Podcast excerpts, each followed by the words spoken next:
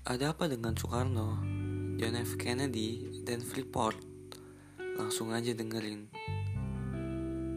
Seiring dengan lengsernya Soekarno, sebuah teori konspirasi lalu muncul dan mengaitkannya dengan John F. Kennedy dan Freeport. Seperti yang diketahui, Soekarno dikenal sebagai rekan John F. Kennedy. John F. Kennedy meninggal ditembak pada tahun 1963 Selang beberapa tahun kemudian, Soekarno meninggal pada tahun 1970 karena gagal ginjal.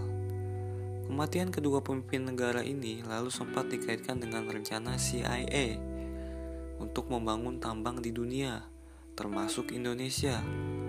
Selang beberapa lama setelah Soekarno lengser, terjadilah deal Freeport. Sempat menimbulkan teori konspirasi yang menyebutkan bahwa kematian kedua pemimpin dunia ini berkaitan dengan CIA. Pada tahun 2018, Presiden Donald Trump mengungkap dokumen pembunuhan John F. Kennedy. Mengungkap keterlibatan CIA dalam dokumen tersebut terungkap nama beberapa pemimpin negara, salah satunya adalah Soekarno.